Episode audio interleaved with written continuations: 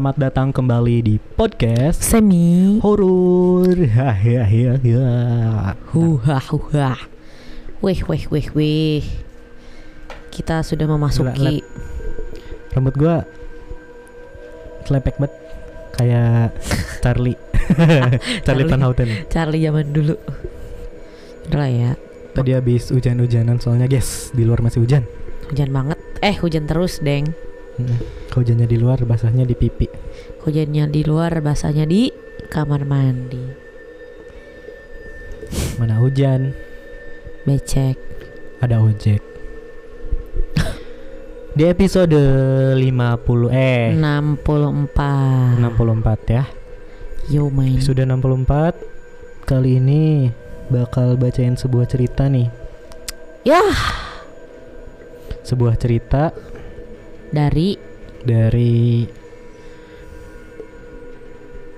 Facebook Anjay, Anjay Ibu-ibu Facebook Apa yang aku kirim cerita ini bukan cerita sembarangan Melainkan satu dari banyaknya kenangan yang gak bakal pernah gue lupain Hmm seumur hidup gue. Kenangan buruk atau baik, gue nggak bisa menilainya karena gue percaya di balik setiap kejadian pasti ada pelajaran berharga, termasuk cerita gue kali ini. Mm-mm.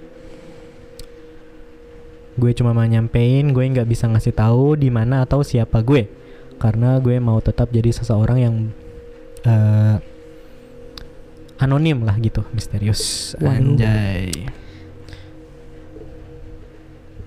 Kejadian ini terjadi pada tahun 2003. Gue tinggal di sebuah kecamatan dengan dua desa yang masih terjaga keasriannya. Hmm. Jalanan belum ada yang diaspal, jarak antar rumah tetangga terpisah jauh oleh kebun-kebun milik satu warga dengan warga yang lain. Bisa dibilang desa ini masih orisinil lah. Uh. Tapi gue nggak akan cerita tentang desa. Gue jangan khawatir ada. nah di karena yang mau gue ceritain ini lebih menarik dibanding para penghuni desa. Gue sebut mereka adalah penghuni pabrik tua. Hmm. Desa gue memiliki anak sungai sebagai pembatas dengan desa tetangga yang masih satu kecamatan. Jauh di hilir sungai, bila mengikuti arus air, akan ada sebuah lahan kebun tebu yang sangat-sangat luas. Gue nggak tahu berapa luasnya. Yang jelas kami anak-anak desa dihimbau untuk tidak mendekatinya. Tepat di barat ujung lahan tebu, berdirilah sebuah pabrik gula. Saat itu, saat ini pabrik itu sudah lama tidak beroperasi lagi. Pabrik gula ini memiliki luas yang juga tidak kalah tidak kalah besar dibanding lahan kebunnya. Di pabrik ini pekerjanya banyak dari warga desa kami dan desa tetangga. Pabrik gula ini sudah ada semenjak zaman Belanda, sehingga tidak mengejutkan bila bangunannya masih terkesan kuno.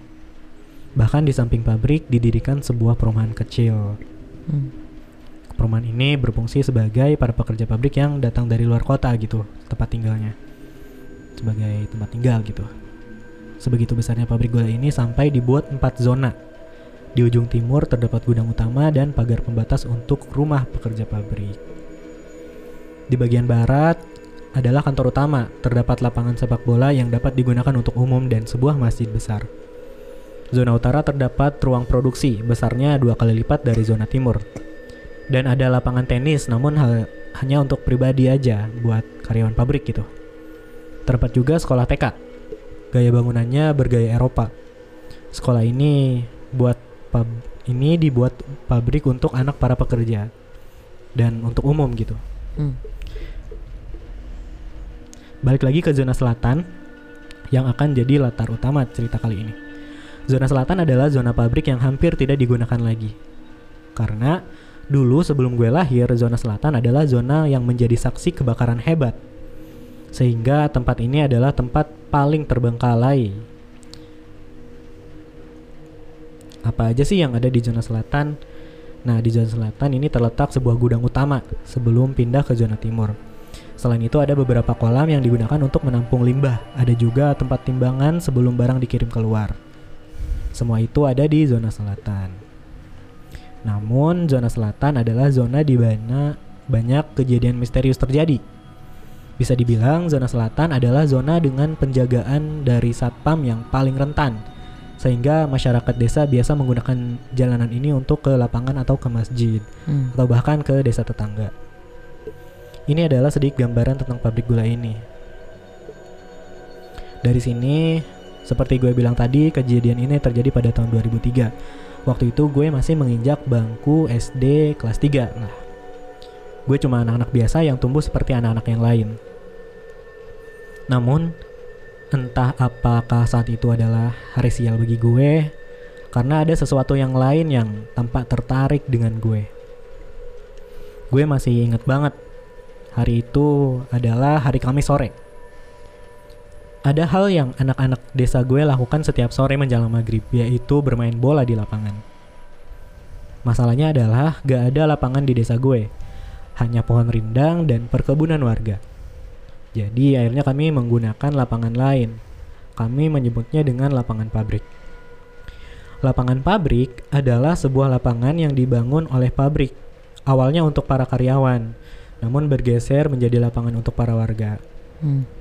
Saat ini lapangannya digunakan untuk umum karena lapangan pabrik ada di zona barat sedangkan letak desa gue jauh di timur pabrik. Maka kami harus memutar untuk sampai ke lapangan. Dan zona selatanlah yang paling dekat bila ditempuh dengan jalan kaki. Terdapat jalan setapak dari aspal di zona selatan. Maka ketika kami lewati jalan itu, kami bisa melihat dengan jelas bangunan gudang-gudang tua yang dulu pernah menjadi saksi tragedi kebakaran hebat. Juga kolam-kolam limbah bekas pabrik. Sejujurnya para orang tua di desa gue nggak menganjurkan kami melewati zona selatan pabrik ini karena konon tempat itu adalah tempat yang angker untuk dilewati anak-anak. Namun daripada kami harus jalan memutar lebih jauh, kami akhirnya tetap memilih jalur itu. Kami sampai di lapangan jam setengah empat sore dan akan pulang sebelum azan maghrib. Eh, masjid di dekat lapangan berkumandang gitu. Waktu itu kami keasyikan nih main bola sehingga ketika eh, kami sadar azan maghrib tuh berkumandang dan hari udah mulai berganti menjadi malam gitu. Kami segera mengakhiri permainan dan berduyun-duyun untuk pulang. Ke mana kami lewat?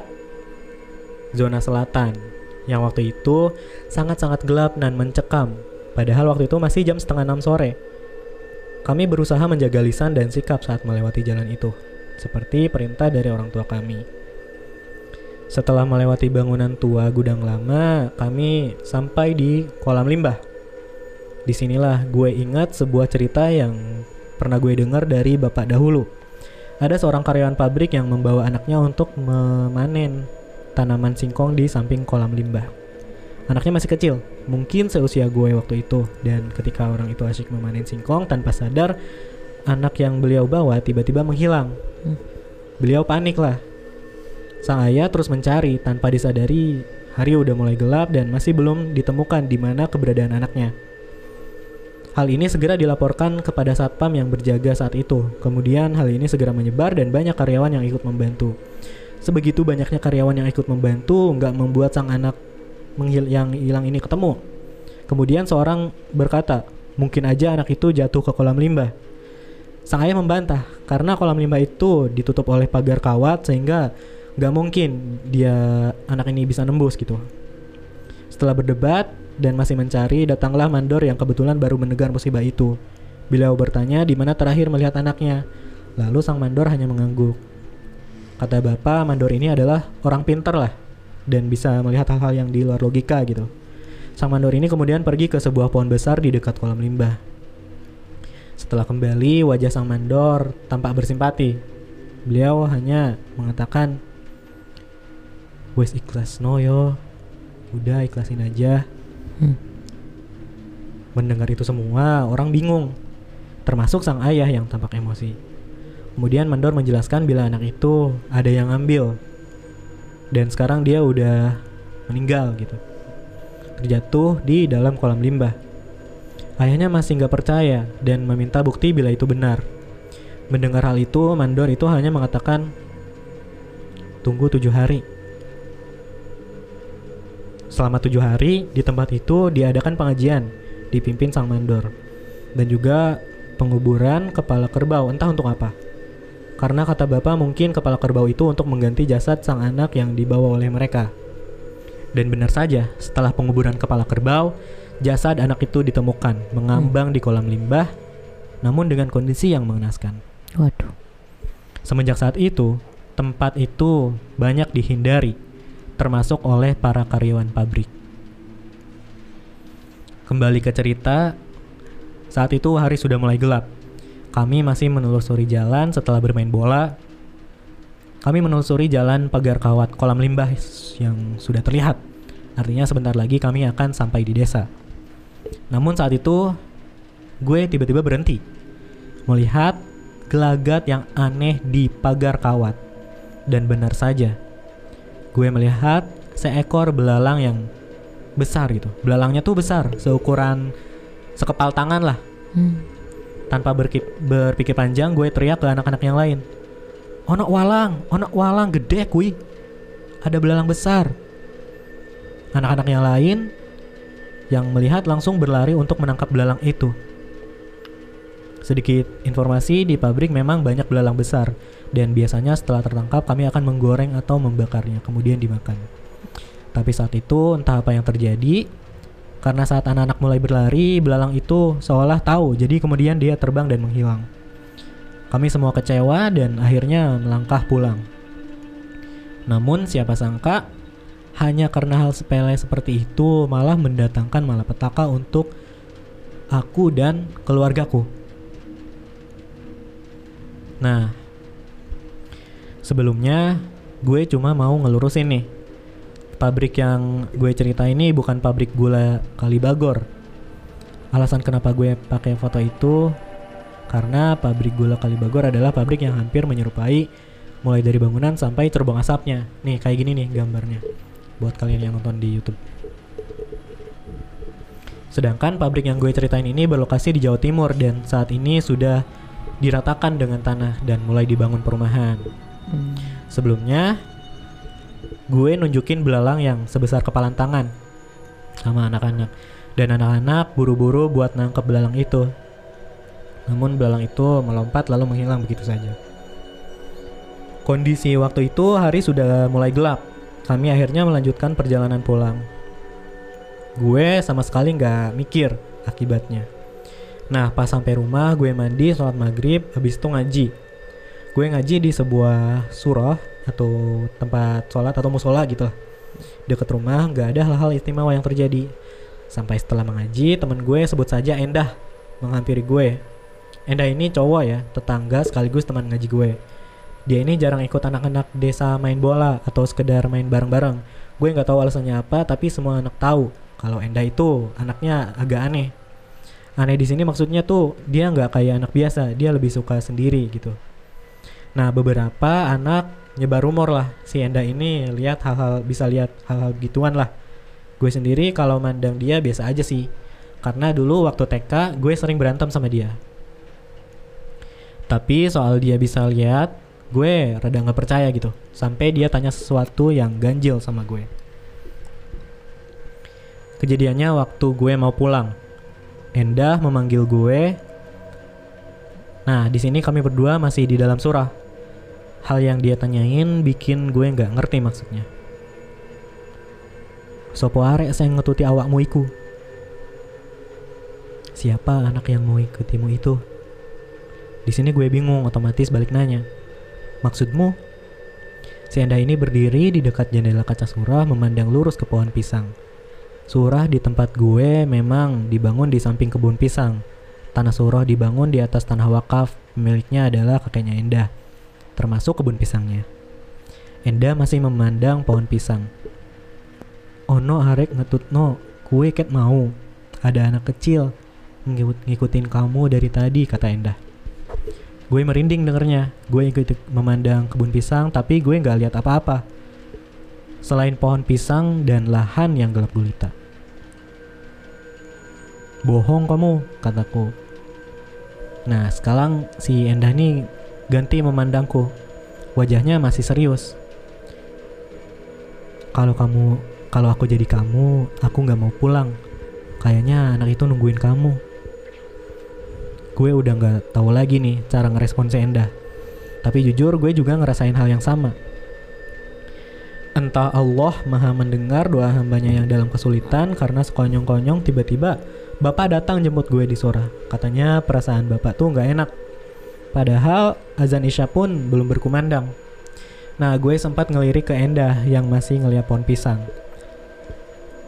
Malam itu gue nggak bisa tidur. Badan rasanya panas banget. Tapi gue nggak tahu kenapa waktu itu. Nah gue tidur bareng bokap nih sama nyokap. Satu ranjang. Tapi bapak ada urusan jaga pos ronda. Jadi gue tidur sama nyokap doang nih. Nyokap kayaknya udah mau tidur pules di samping gue. Sampai jam 1 dini hari gue masih nggak bisa tidur. Seolah-olah ada perasaan yang gak enak. Tapi gue gak ma gu- tapi gue maksa buat merem. Mungkin dengan begitu gue bisa tidur. Ternyata hal ini tidak berhasil. Gue masih terjaga meski kondisi mata terpejam. Semakin lama, semakin gak nyaman. Gue akhirnya membuka mata. Dan betapa kagetnya, waktu itu pas gue buka mata, di atas perut gue ada anak kecil. Botak, tubuhnya seukuran tubuh gue. Duduk dan melotot ke arah gue. Tapi dia nggak ngomong apa-apa. Badan gue nggak bisa gerak, nafas juga tersengal-sengal. Karena ketakutan, gue refleks, nyolek nyokap gue di samping gue.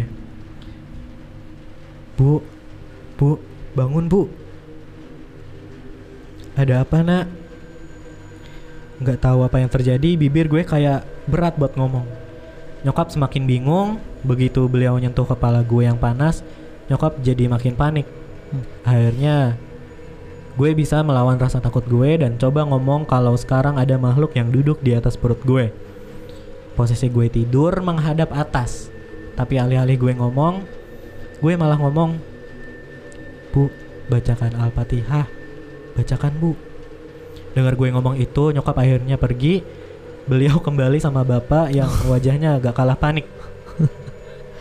Bapak yang lihat kondisi gue akhirnya inisiatif manggil orang pinter yang kebetulan tetangga gue. Nah, nyokap gue akhirnya baca ayat kursi nih sambil ngusap tangan gue.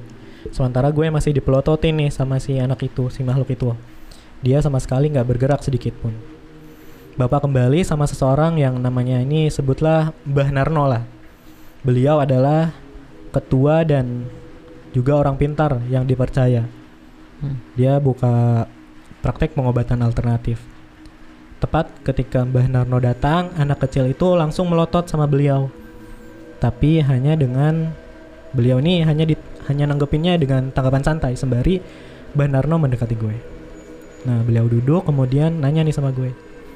Hari ini kamu ngapain aja sih, Nak? Gue masih diam dan bingung. Mbah Narno minta segelas air putih lalu beliau mendoai air putih itu. Hmm. Gue yang masih rebahan dipaksa minum dengan posisi tertidur. Dengan posisi tertidur. Gue nggak tahu nih apa Mbah Narno bisa lihat makhluk ini. Karena kesannya tuh Mbah Narno kayak cuek bebek sama makhluk ini. Dan ajak gue ngobrol terus. Setelah minum anehnya gue jadi bisa ngomong lancar. Kemudian Mbah Narno baru bertanya pada makhluk itu. Apa yang membuatmu datang mengganggu anak ini? Suara Mbah Narno ini keras gitu, tegas. Terdengar seperti membentak gitu. Dan makhluk ini menjawab dengan tidak kalah ngegas gitu, nggak kalah marah. Hmm. Anak ini sudah mengusikku. Mengusik yang bagaimana maksudmu? Binatang peliharaanku mau diambil sama anak ini. Hmm. Kamu minta apa sekarang? Aku minta anak ini. Gue yang dengar kata-kata itu tiba-tiba gemetar kedinginan.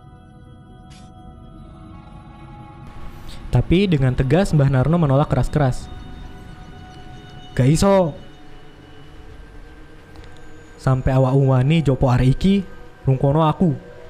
Mene bakal taurak arit penggongmu. Tak laporno kowe gak ngaharatu. Kalau sampai kamu berani ngambil anak ini, besok akan ku buat berantakan rumahmu. Akan kulaporkan kamu sama Maharatu. Gue nggak tahu apa yang dimaksud Mbah Narno dengan Maharatu. Tapi gue bisa tahu setelah dengar nama itu, makhluk ini tuh langsung mau turun dari tempatnya. Wajahnya masih mendelik, memandang Mbah Narno. Tingginya hampir sama dengan tinggi gue. Begini saja, ayo kita membuat kesepakatan. Kalau sampai anak ini mengganggu tempatmu lagi, kamu bisa melakukan rencanamu. Tapi ingat, bila sampai aku tahu kamu menampakkan diri di sekitar sini lagi, aku habisi tempatmu. Gue cuma bisa lihat, makhluk itu pergi, hilang begitu saja. Mbak Narno kembali memberi gue minuman yang udah didoain. Kondisi gue semakin membaik, Mbah Narno juga menjelaskan apa yang terjadi dan bagaimana bisa makhluk itu datang ke sini. Rupanya gue udah mengganggu kediamannya. Belalang yang gue tunjuk bareng teman-teman rupanya adalah belalang jadi-jadian. Hmm. Ini tuh milik peliharaannya si makhluk tadi. Beliau nggak terima dengan apa yang gue lakukan sehingga mengincar gue. Sedangkan teman-teman gue nggak diincar. Mbah Narno juga menjelaskan ada alasan kenapa makhluk itu begitu ingin gue karena gue punya darah hangat yang bahasa Jawanya itu hangat getih. Hmm. Ketika beliau mau menjelaskan, rupanya bapak menghentikan Mbah Narno seolah-olah bapak gak mau gue denger itu. Lain kali gue bakal ceritain hangat getih itu apa. Intinya Mbah Narno mulai sekarang akan mengawasi gue dan ngelarang keras gue untuk mendekati tempat itu lagi. Bahkan ngelewat aja pun gak dibolehin. Hmm. Akhirnya gue nurut. Dasarnya gue emang penurut. Lalu apakah semuanya berhenti sampai di sini? Tidak semudah itu. Gue punya dua adik. Jarak umur adik gue yang pertama cuma satu tahun setengah. Sedangkan adik gue yang bungsu itu enam tahun. Tapi kata orang-orang gue sama adik gue yang pertama sangat mirip. Bahkan banyak orang yang selalu salah membedakan kami berdua. Di sinilah bencana itu datang kembali. Adik gue yang gak tahu apa-apa soal kejadian gue didatengin makhluk itu di kamar karena saat itu adik gue masih nginep di rumah nenek yang masih satu desa sehingga bapak lupa ngasih tahu soal pantangan pergi atau sekedar lewat ke kolam limbah itu. Tapi sore itu adik gue ke sana. Adik gue ke sana ketika ngejar layangan putus. Apakah adik gue celaka? Ternyata tidak. Karena yang didatangi oleh makhluk itu rupanya adalah gue. Apa gue akan ceritain ini? Ini akan sangat panjang. Eh, gue coba untuk ngerangkum. Yang gue ingat adalah waktu itu sore hari. Gue ngeringkuk di atas ranjang sendirian. Gue baru aja nangis seharian karena pagi tadi nyokap pamit buat kerja ke luar kota. Karena waktu itu ekonomi keluarga gue benar-benar lagi hancur-hancurnya gitu, lagi buruk. Hmm. Nyokap kerja buat bantu bapak. Bayangin aja gue masih kelas 3 SD dan nyokap gak ada. Nyokap bilang akan balik sebulan sekali. Tapi bagi gue itu gak cukup. Karena gue gak bisa jauh-jauh dari nyokap. Gak ada yang tahu gue nangis seharian. Termasuk dua adik gue yang lebih kecil. Mungkin karena mereka belum tahu apa-apa. Bapak bangunin gue nih pas azan maghrib. Beliau menyuruh gue mandi, habis itu sholat, kemudian ngaji. Tapi ada yang aneh nih sama badan gue. Karena nggak tahu kenapa badan gue kayak berat berat banget gitu. Jangankan untuk berdiri buat duduk aja gue nggak sanggup. Nah akhirnya di sini gue cuma bisa rebahan sambil manggil bapak.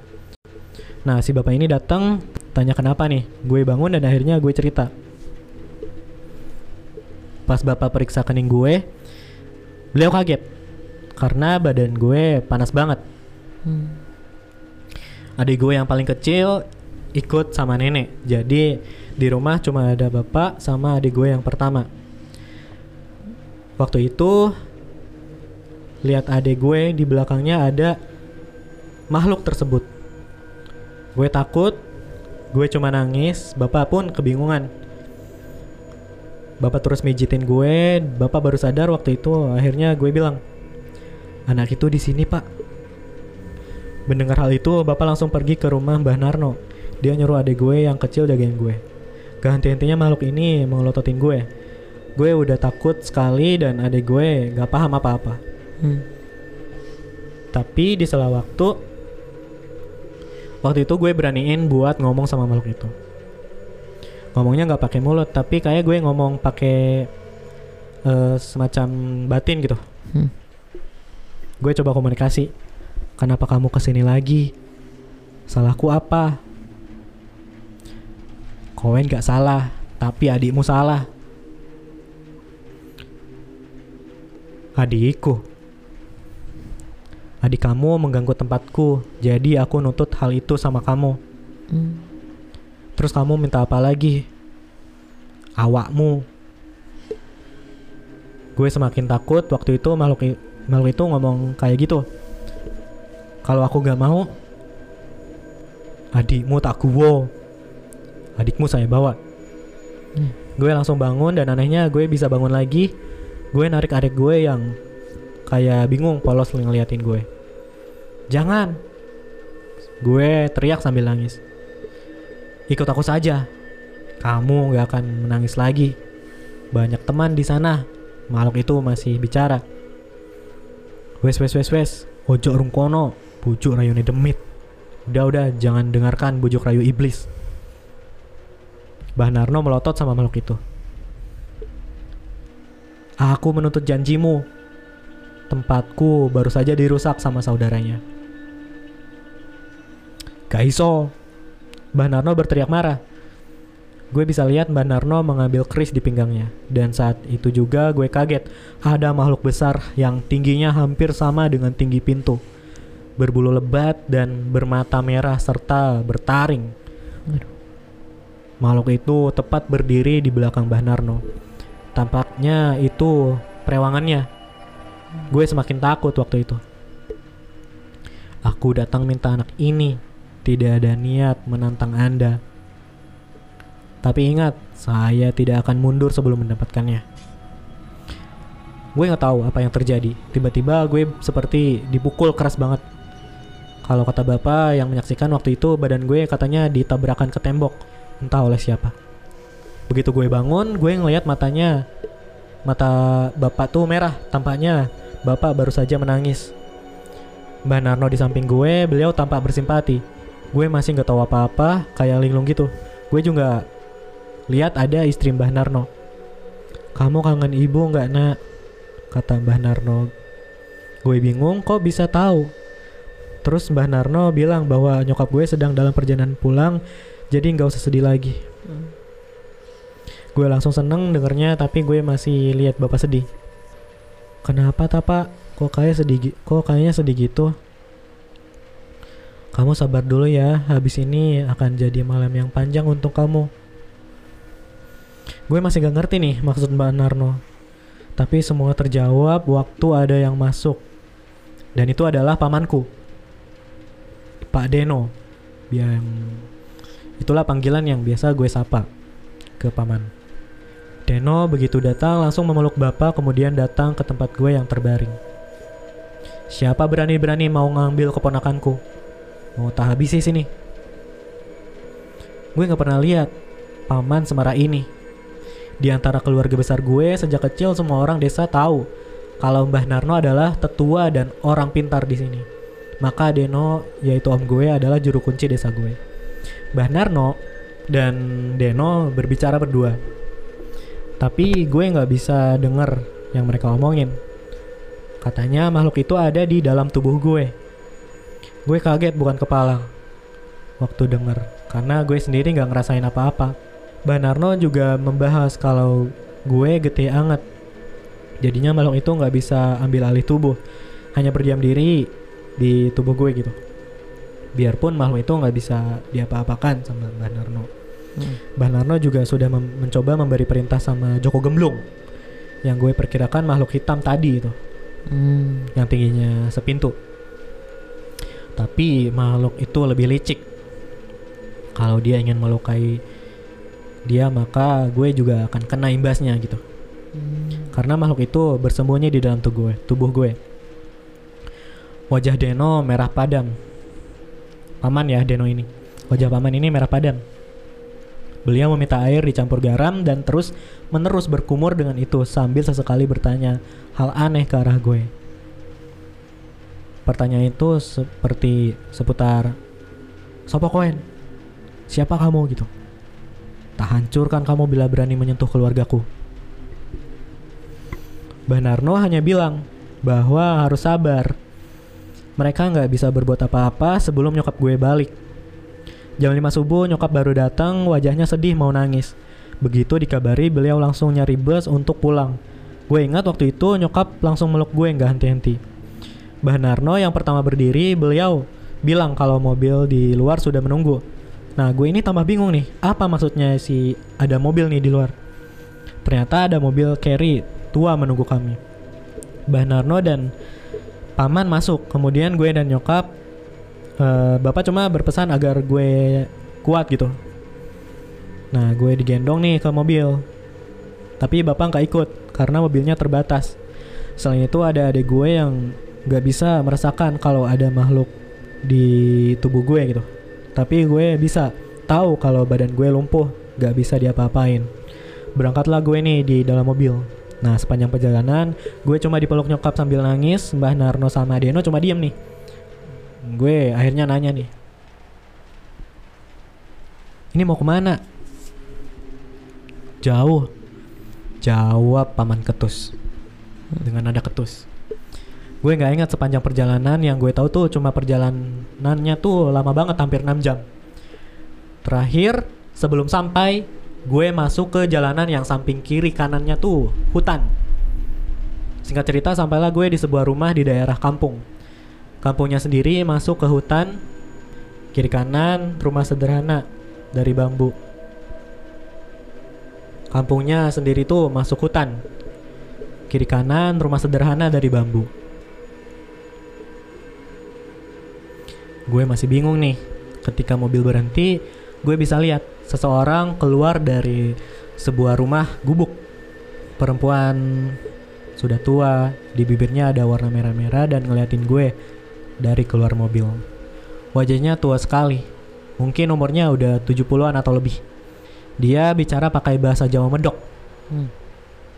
Ambilkan aku daun kelor nak. Dia bicara sama perempuan, umurnya mungkin 15 tahun. Masih muda dan begitu dia megang daun kelor, dia menghampiri gue nih. Lalu dipukulkanlah itu daun kelor ke kaki gue, ke tangan gue. Di situ anehnya gue langsung bisa berdiri setelah itu. Mbah Narno sama Deno mencium tangan wanita asing itu. Sebelum bicara, orang itu sudah tahu semuanya. Dan bahkan dia udah tahu siapa yang gangguin gue. Hmm. Wanita itu cuma ngeliatin gue. Tampangnya nggak berekspresi. Kemudian dia mengatakan, mengatakan, memang dasar anak-anaknya ular nggak pernah diajari sopan santun yang tadi injak ini. Nah di sini gue masih bingung nih. Di situ gue baru tahu kalau wujud makhluk itu sebenarnya adalah ular. Waduh. Mbah Narno yang pertama bicara. Gimana ini Nyai? Apa dipaksa keluar? Gak iso. Ulo iku lunyo koyok welut. Ular ini licin kayak belut. Hmm. Apalagi anak ini darahnya hangat. Aku aja langsung tahu sekali lihat. Wanita itu kemudian melihat Deno. Kamu kok nggak bilang punya keluarga yang kayak gini? Saya nggak berpikir sejauh ini, Nyai. Saya kira dihilangkan saja mata batinnya sudah cukup. Goblok. Harusnya kalau ingin benar-benar menghilangkan, nggak gini caranya. Setelah itu gue dan nyokap gue disuruh istirahat di sebuah kamar. Sementara Mbah Narno, Dekno atau Paman dan wanita itu pergi. Sore menjelang maghrib, gue dibangunin sama nyokap nih, diajak makan, kemudian balik ke kamar. Di situ gue baru dikasih tahu kalau nama wanita yang membantu gue tadi adalah Nyai Asih. Beliau adalah eh, bukan seorang dukun, hanya seorang hanya orang biasa, tapi sering dimintai tolong sama orang lain. Hmm. Kabarnya beliau sakti. Nyokap tanya kapan Mbah Narno, Dekno dan Nyai Asih kembali. Perempuan itu hanya bilang mungkin malam. Ini perempuan yang tadi ya, anak perempuan yang umur 15 tahun. Gue nggak tahu ke mana mereka pergi. Perempuan itu tanpa mempersiapkan sesuatu yang semacam air yang diperas, entah dengan daun-daunan, entah daun apa. Hmm. Ketika dia menghampiri gue, perempuan ini bilang, ini untuk menghangatkan menghangatkan badan. Airnya tuh keruh. Ketika diminum rasanya pahit. nyaris kayak jamu. Setelah nungguin lama sampai akhirnya gue ketiduran, gue kaget nih waktu nyokap bangunin. Di ruang tamu, Mbah Narno sudah menunggu. Beliau menggandeng tangan gue. Nyokap disuruh tinggal di sini. Ketika gue keluar, gue bisa ngeliat Deno, Nyai Asih, dan seorang lagi, lelaki berjanggut putih. Wajah lelaki ini mirip lelaki tua pada umumnya, hanya saja tampak tampang beliau nih ramah, tidak seperti Nyai Asih yang cemberut. Mereka ngajak gue jalan-jalan malam. Mbah Narno di kanan, gue sama Deno, di samping kiri lelaki itu dengan Nyai Asih. Tidak ada percakapan apa pun. Jalan yang gue tempuh banyak pohon-pohon besar. Dan jujur gue takut karena kayak sedang diawasin gitu. Udah nggak apa-apa, ada saya di sini kata lelaki itu. Nyai Asih hanya mengatakan kalau nyaris semua makhluk di sini membenci gue. Lebih tepatnya apa yang gue bawa atau membenci makhluk yang ada di dalam tubuh gue. Hmm.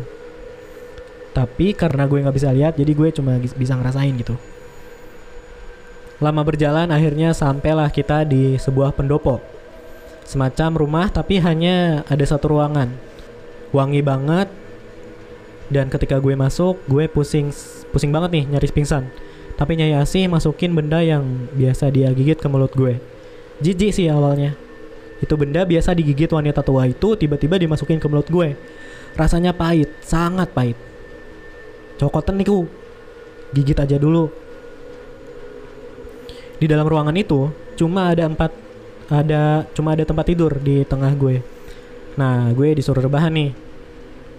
Banarno duduk bersila sementara Deno hanya berdiri di sisi hanya berdiri di sisi lain nih. Nyai Asih dan lelaki asing itu mengawasi dari pinggir. Setelah semua pintu dan jendela ditutup, gue bisa mencium aroma bunga yang sangat menyengat. Pertama, buka mata batini, kata lelaki itu. Nyai Asih masih memandangi gue tanpa ekspresi. Sementara lelaki itu nyentuh mata gue, dia nyuruh gue merem. Nah, gue nurut nih. Gue nggak bisa lihat apa-apa, cuma dengar suara Mbah Narno dan Deno komet kamit. Hmm. Pelan, kepala gue kayak ditekan, sakit. Gue sampai teriak, kepala gue kayak diinjek-injek sama orang. Padahal itu cuma tangan lelaki itu yang nempel di mata gue. Setelah gue teriak-teriak kenceng, akhirnya dilepas nih sama lelaki itu. Ruangan yang awalnya cuma diisi empat orang, tiba-tiba jadi rame nih. Gue lihat makhluk-makhluk yang wujudnya aneh. Ada yang kepalanya mirip sapi, sampai ada yang gak punya wajah. Hmm. Gue merem lagi, tapi lelaki itu ngomong kalau mereka ke sini gara-gara apa yang gue bawa. Selanjutnya, lelaki itu menjelaskan dia bakal pergi dari tempat ini dengan yang lain. Ninggalin gue sendirian sama makhluk-makhluk itu. Gue nangis kenceng, mereka beneran pergi. Gue yang mohon-mohon sama Mbah Narno dan Deno sama sekali nggak digubris. Mereka cuma meluk gue terus pergi gitu aja. Nutup pintu dan ninggalin gue sendirian di ruangan ini. Di tempat itu, gue cuma meringkuk nih, nutup wajah pakai lutut. Gak bisa gue bayangin lagi nih kejadian waktu itu. Sampai sekarang gue masih lemes kalau ingat kejadian itu. Tapi anehnya gue nggak diapa-apain. Gue cuma dipelototin doang. Lama gue di sana hampir sepanjang malam. Kalau saya ingat gue tuh sampai gue kaget waktu itu. Ada yang gedor-gedor jendela sama pintu keras banget. Suaranya bikin gue teriak-teriak nangis. Terakhir yang gue ingat, gue ngeliat Mbah Narno dan Deno megangin tangan dan kaki gue. Sementara Nyai Asih megangin kepala gue. Nah, gimana dengan badan gue? Badan gue nggak karuan. Tempat itu udah sepi lagi, tapi sakit sekali badan gue. Kayak ada ribuan makhluk yang ada di dalam tubuh gue. Hmm. Gue cuma denger Nyai Asih bilang, Tahan Ger, tahan. Rupanya semua makhluk itu baru aja dikumpulin sama Nyai Asih. Deno sama Mbah Narno. Mereka dikumpulin buat dimasukin ke tubuh gue. Iya, tubuh gue yang kecil ini. Diisi makhluk sebanyak itu. Gue jerit, tangannya Yasi rasanya panas banget kayak bikin kulit gue melepuh. Setelah itu gue nggak inget apa-apa lagi karena pas bangun gue udah di kamar sama nyokap. Kejadian semalam kayak mimpi bagi gue. Nyai Asih masuk kamar dan kemudian duduk di samping gue. Kali ini gue bisa ngeliat dia senyum. Giginya rupanya ompong, suaranya serak. Sepertinya sepertinya tuh semalam adalah hari yang melelahkan bagi beliau. Harus berteriak-teriak supaya gue tahan rasa sakit itu. Hmm. Untung kamu bisa bertahan. Ular itu tidak mau pergi meskipun dihajar oleh setan sebanyak itu yang tak masukkan ke badan kamu. Di sini beliau memberitahu nih soal maksud getih anget dan kenapa Dekno dulu sempat melakukan hal itu.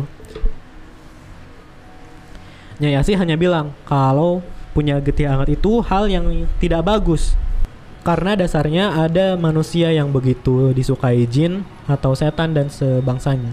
Getih hangat ini atau darah yang hangat ini bisa memancing makhluk itu untuk masuk ke dalam tubuh, menguasainya. Tapi yang jadi masalah, nggak ada yang tahu apakah si getih hangat itu tiang kembar atau maksudnya itu jodoh. Hmm.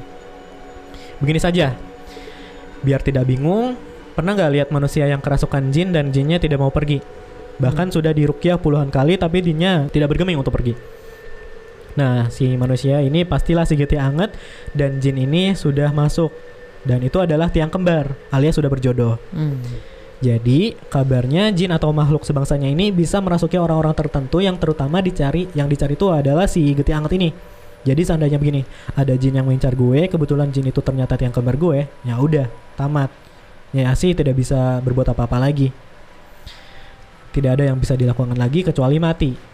Saat manusia itu mati, si jin itu juga selesai. Di sini gue cukup ngeri dengerinnya nih. Nyai Asi ini bercerita pernah ada kasus ini seorang wanita tua nih, umurnya tuh kisaran 40 tahun.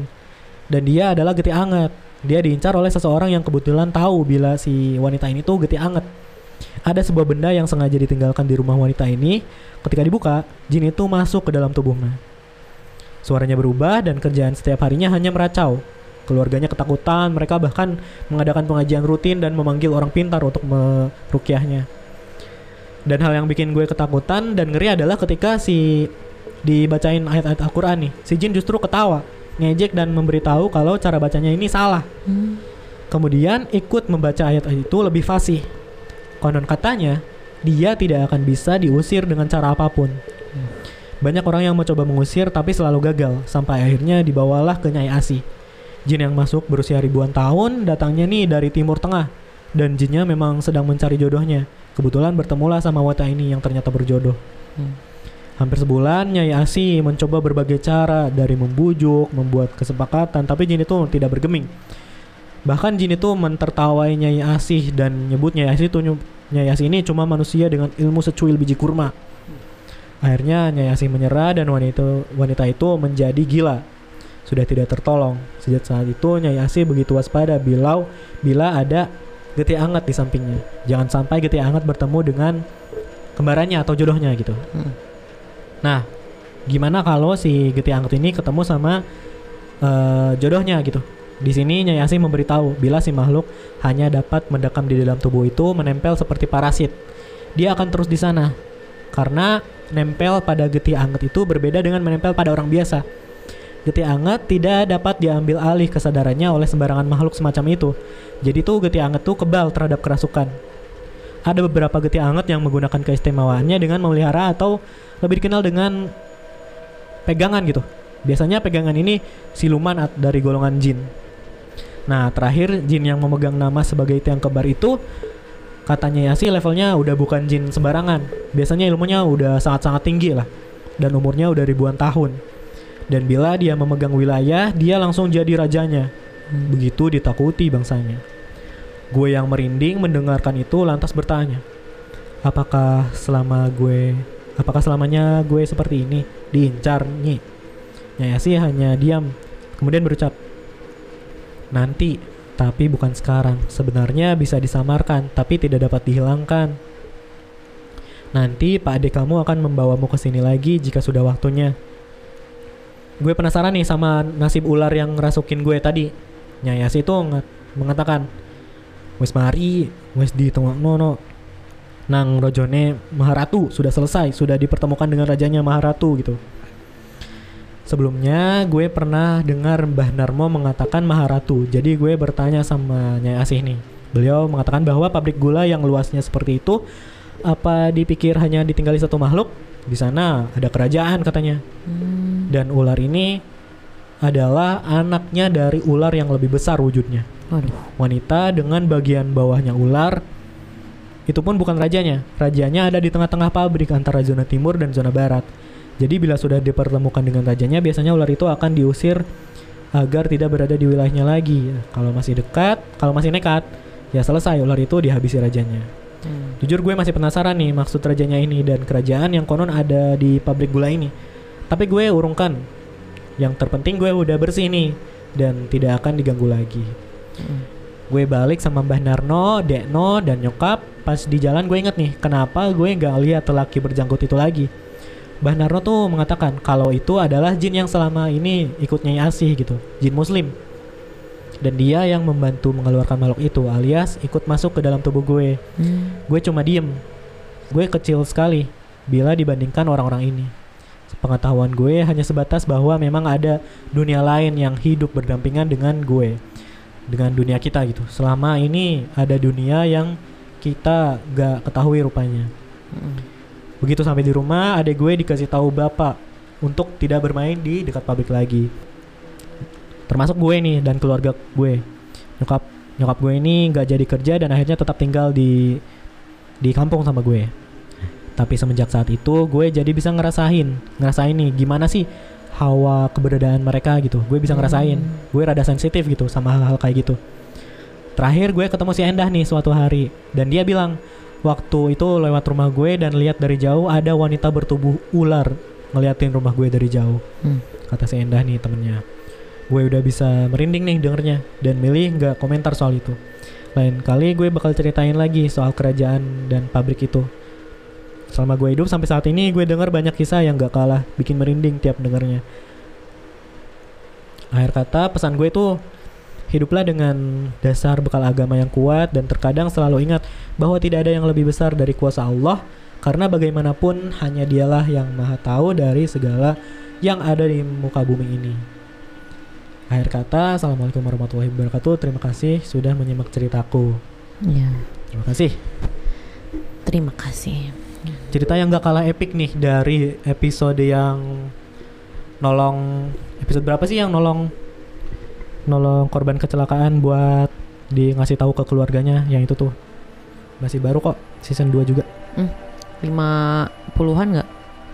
enggak bentar gue cek dulu nih episode Berawal dari cuma lihat belalang segede kepalan tangan jadi rumit gini ya ujung-ujungnya. 41 Hmm. menolong korban arwah korban kecelakaan Hmm, ini cerita epic nih kedua kedua cerita petualangan yang epic Benar-benar. Berawal hal dari hal sepele doang padahal. Jadinya serumit ini urusannya sama yang gaib itu. Emang sih nggak nggak boleh main-mainnya sama yang kayak gitu. Mereka bisa berani banget sama kita. gue baru dengar tuh istilah getih anget jadi Iya, dia tuh nggak gampang kerasukan ternyata istilah itu buat orang yang nggak gampang kerasukan Hmm. mungkin bisa dibilang getih anget Mm-mm. atau mungkin ada istilah lain lah atau beda mungkin ada juga orang yang nggak gampang nggak bisa kerasukan tapi beda gitu sama getih anget Iya iya benar. temen gue juga indigo nih tapi Mm-mm. dia nggak bisa kerasukan Hmm. Karena terus juga waktu itu si yang di episode 10 kalau nggak salah mm, episode 10 dia yang ini yang cerita soal kuntilanak cowok yang ngikutin pamannya mm, nah dia juga nggak nggak bisa bisa kerasukan kerasukan ya. Hmm. Mungkin ada yang ngejaganya. ya siapa pun ada yang ngejaganya tapi dia ini spesial gitu nggak bisa kerasukan Hmm, ya ya ya. epic sangat sangat epic Cukup panjang cerita kali ini. ya mungkin ada beberapa dari kalian yang sampai tertidur dengerinnya Sampai udah pagi lagi mungkin. Ya.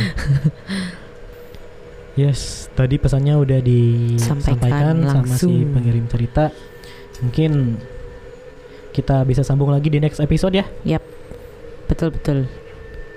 karena udah kepanjangan mungkin buat sobat mirror nih yang mau kirim cerita boleh kirim di email kita di podcastsemihorror@gmail.com atau klik link di bio Instagram kita @podcastsemihorror atau bisa juga di DM DM. Jangan lupa Hmm. komen-komen di Noise. Kita Noise. sudah available di Noise. Kita juga ada Twitter di pod underscore semihorror. Di TikTok juga ada @podcastsemihorror. Jangan lupa juga subscribe YouTube channel Pocket Semi Horror. Juga komen, like, share ke semua sosial media kalian. Akhir kata episode 64 Aziz pamit. Yunda pamit. Stay safe, stay healthy, and Self podcast me horror. enjoy. Tetap dengarkan podcast. Sami. Horor. Horror tuh. Kan jinnya dari Timur Tengah tadi ya. Oh iya. semi horor. Emang timur tengah kayak begitu. Kita wan abud, wan abud. Oh mana bud.